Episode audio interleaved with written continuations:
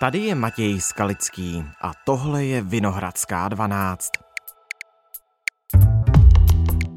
Chceme se poučit z vašeho úspěchu, z toho, co se vám tady v České republice povedlo. Chceme být na stejné straně evropské rodiny, jako jste vy. Říká Vitalij Kličko, starosta Kijeva. Jak to teď vypadá v ukrajinské metropoli? A zní Kijevem pořád ještě sirény.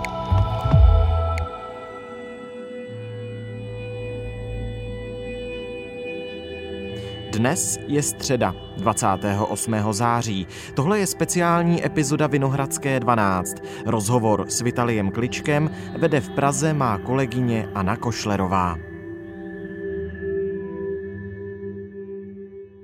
Hi, Vitaly. Good afternoon. Včera byl poslední termín, do kdy bylo možné hlasovat v tzv. referendech v Moskvou ovládaných nebo okupovaných částech Ukrajiny o připojení k Rusku.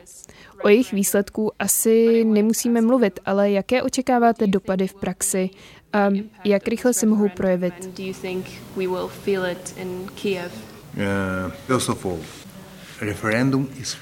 První věc, kterou chci říct, to referendum je falešné. Rusové se snaží zlegalizovat své aktivity a snaží se udělat něco, co nemá žádnou právní platnost. Většina lidí přeci v té oblasti opustila města, opustila tu oblast, opustila tenhle region a proto tam nejsou žádní mezinárodní pozorovatelé.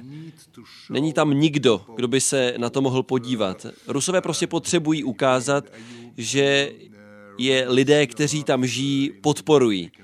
Nevím, jestli jste viděla videa na YouTube, když Rusové přicházejí do Chersonu, když Rusové přicházejí do Melitopolu, tak eh, tisíce lidí vyšly do ulic, tisíce Ukrajinců s vlajkami a křičeli, Rusové jděte pryč, ruští vojáci, běžte pryč. A oni na to neměli co říct, oni jenom stříleli do vzduchu a snažili se ty lidi zastrašit. A teď to chtějí zlegalizovat, že tam jsou. Je to prostě falešné, myslím, že celý civilizovaný svět tohle přece nemůže přijmout, to taky to nepřijme protože tohle nejsou žádná referenda, je to prostě falešné. Víme, kolik lidí se tohoto referenda účastnilo, protože tu jistě jsou Ukrajinci, kteří si myslí, že připojení k Rusku by bylo ne. dobrý nápad.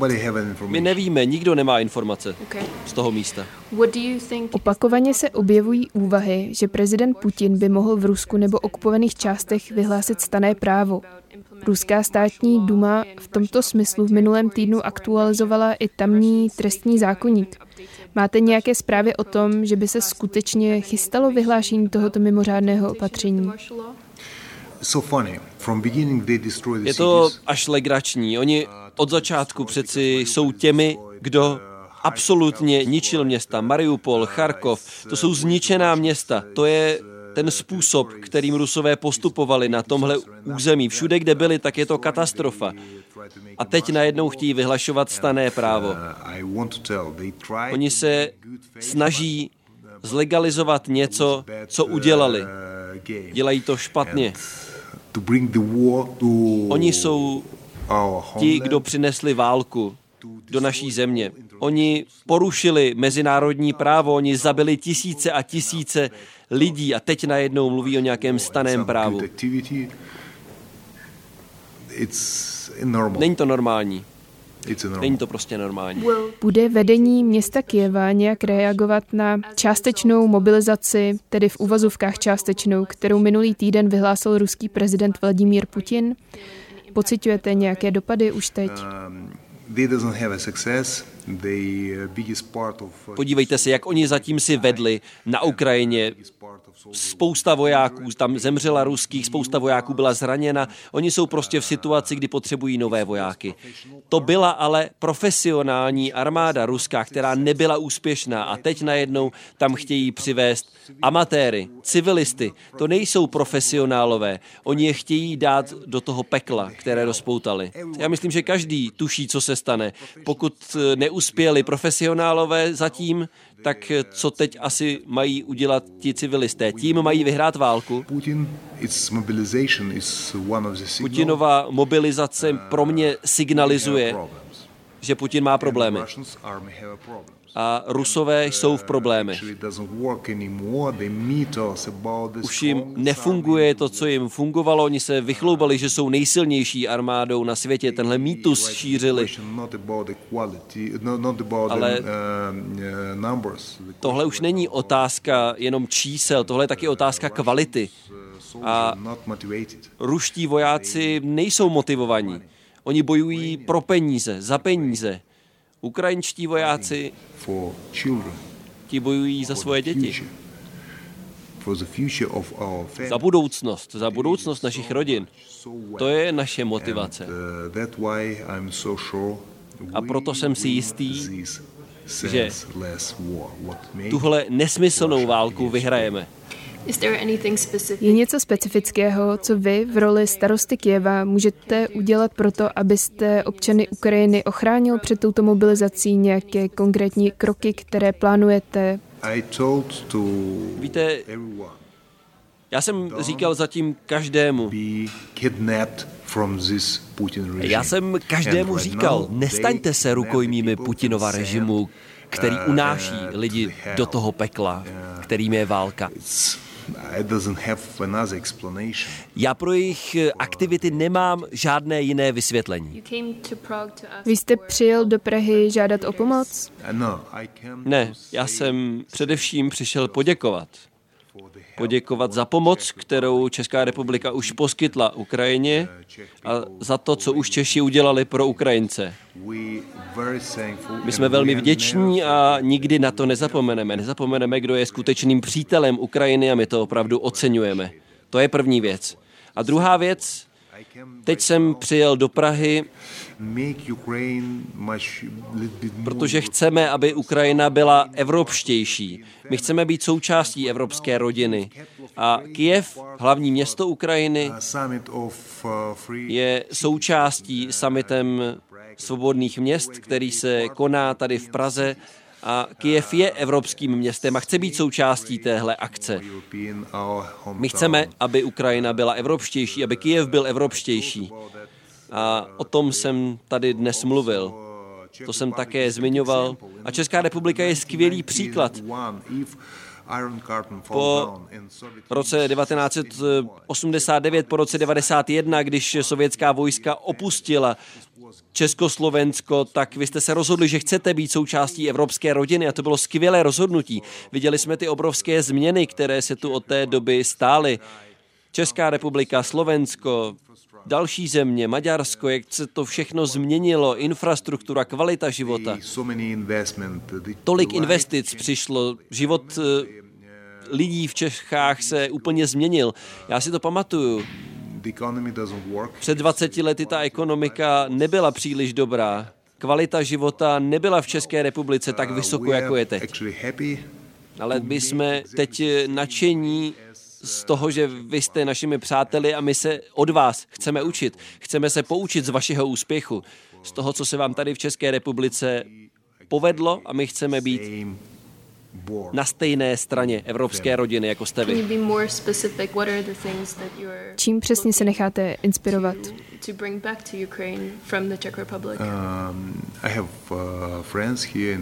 Mám tady přátele v Praze a nedaleko od Prahy v malém městě v regionu, který se jmenuje Bohemia. V Čechách. Bohemia. Uh, I see, I see the new roads, I see new restaurants, I see the. Um, vidím tady nové obchody, nové restaurace, vidím tady infrastrukturu pro kola, pro cyklistiku. A vidím, jak rychlý ten rozvoj celé infrastruktury tady v České republice za poslední roky je. Jak jste taky dokázali opravit všechny historické budovy v Praze například. Praha se strašně změnila za můj život. Je to skvělý příklad. To si chceme od vás vzít. My chceme postupovat úplně stejně.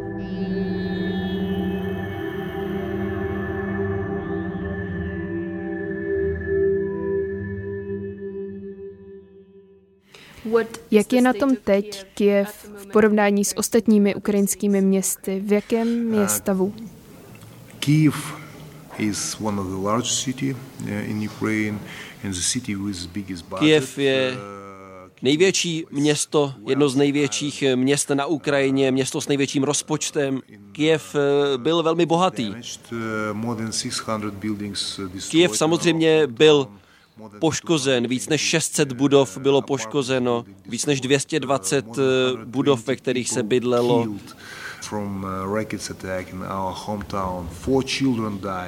Zabito bylo ve městě při raketových útocích víc než 120 lidí, zemřeli tam čtyři děti. Tahle válka samozřejmě zasáhla. Zasáhla i naše hlavní město, zasáhla náš rozpočet, zasáhla naše plány a my se snažíme podporovat ukrajinskou armádu. No a především naší prioritou je vyhrát, zastavit tuhle válku, tak abychom se mohli vrátit k normálnímu životu. Teď s kolegy chceme znovu postavit Ukrajinu, obnovit ji. Je to skvělý signál, skvělý symbol pro naše přátele, ale i pro naše nepřátele. Úspěch Ukrajiny je naším cílem. Jak proběhl začátek školního roku v Kijevě? Šly děti normálně do školy? Jsou tam třeba nějaká speciální bezpečnostní opatření?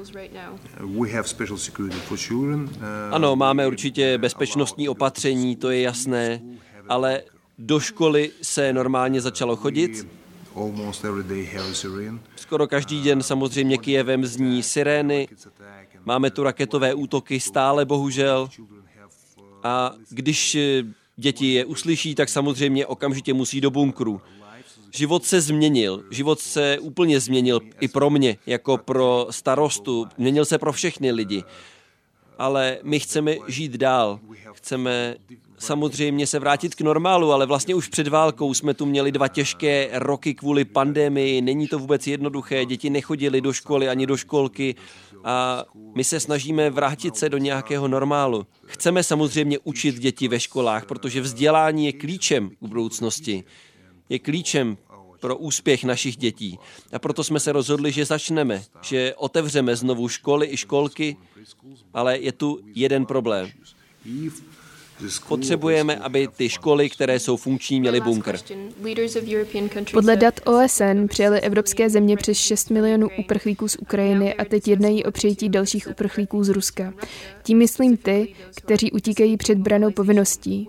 Přijal byste uprchlíky, kteří prchají z Ruska před branou povinností. Tím myslím ty, kteří neschvalují Putinovu válku. Um, Prosím, to je velký rozdíl mezi uprchlíkem, kterému někdo zničil jeho dům, který prchá z města, které bylo srovnáno se zemí, kde se lidé bojí o svůj život, a lidmi, kteří opouští teď Rusko, kteří ho opustili. Oni musí tam zůstat, oni musí bojovat proti vládě. Oni přeci jsou rusové a budoucnost Ruska záleží na ruských občanech. Jak je možné, že ruští občané, že i společnosti Microsoft, IBM, ty zahraniční firmy, já nevím, IKEA, Coca-Cola, McDonald's a tisíce dalších společností, světové firmy, ty opustili Rusko. Proč Rusové aktuálně nesmějí létat, nesmějí odletět z Ruska do mnoha zemí. Nikdo je nechce přijmout, nebo skoro nikdo. Ruští občané se přeci musí ptát sami sebe. Musí se ptát vlády. Proč? Jaký je zatím důvod? Proč můj bratr, moje sestra, můj manžel, mý přátelé, proč byli zabiti na Ukrajině? Kvůli čemu? Pro co? Pro nějakou ambici jednoho člověka. Jednoho člověka, který chce obnovit nebo rozšířit ruské impérium. To jsou otázky, které si musí pokládat, musí se ptát své vlády. Pokud opustí Rusko, tak nepomůžou Rusku. Musí tlačit na svoji vládu. A bez toho Putin nikdy nezmění svůj agresivní cíl ani svoje jednání, nejenom vůči Ukrajině, ale vůči Evropě. Rozumím tomu správně, že byste jim neposkytl azyl? Já se to snažím vysvětlit, proč je to podle mě špatné řešení. Oni mají své domovy, Oni mají přeci možnost něco doma říct a něco doma změnit, říct něco proti téhle válce, udělat něco proti téhle válce. Protože, jak Putin říká, Putin říká, že ho ruské obyvatelstvo podporuje. Když ovšem tihle lidé řeknou otevřeně, že jsou proti válce, že je potřeba zastavit tuhle válku, to musí říct, to musí říct své vládě. Je to obrovská chyba, zastavte válku. Tohle musí Putin slyšet od svých občanů. Tohle musí ruská vláda slyšet nejenom od České republiky, od Polska, od Německa. Ale Putin nenaslouchá. Thank you for the interview. You're welcome. And good luck. Tohle už je všechno z Vinohradské 12. Tentokrát náš spravodajský podcast moderovala Anna Košlerová, která v Praze mluvila se starostou Kijeva Vitaliem Kličkem. Vinohradská 12 vychází každý všední den brzy ráno. Vybíráme aktuální témata a probíráme je se zajímavými hosty, s experty, vědci, politologi, s novináři. O svátcích nebo o víkendech tu a tam uvedeme speciální epizodu, přesně takovou, jaká byla i tahle. Sledujte a poslouchejte nás na webu iRozhlas.cz v aplikaci Můj rozhlas a ve všech dalších podcastových aplikacích. Naslyšenou zítra.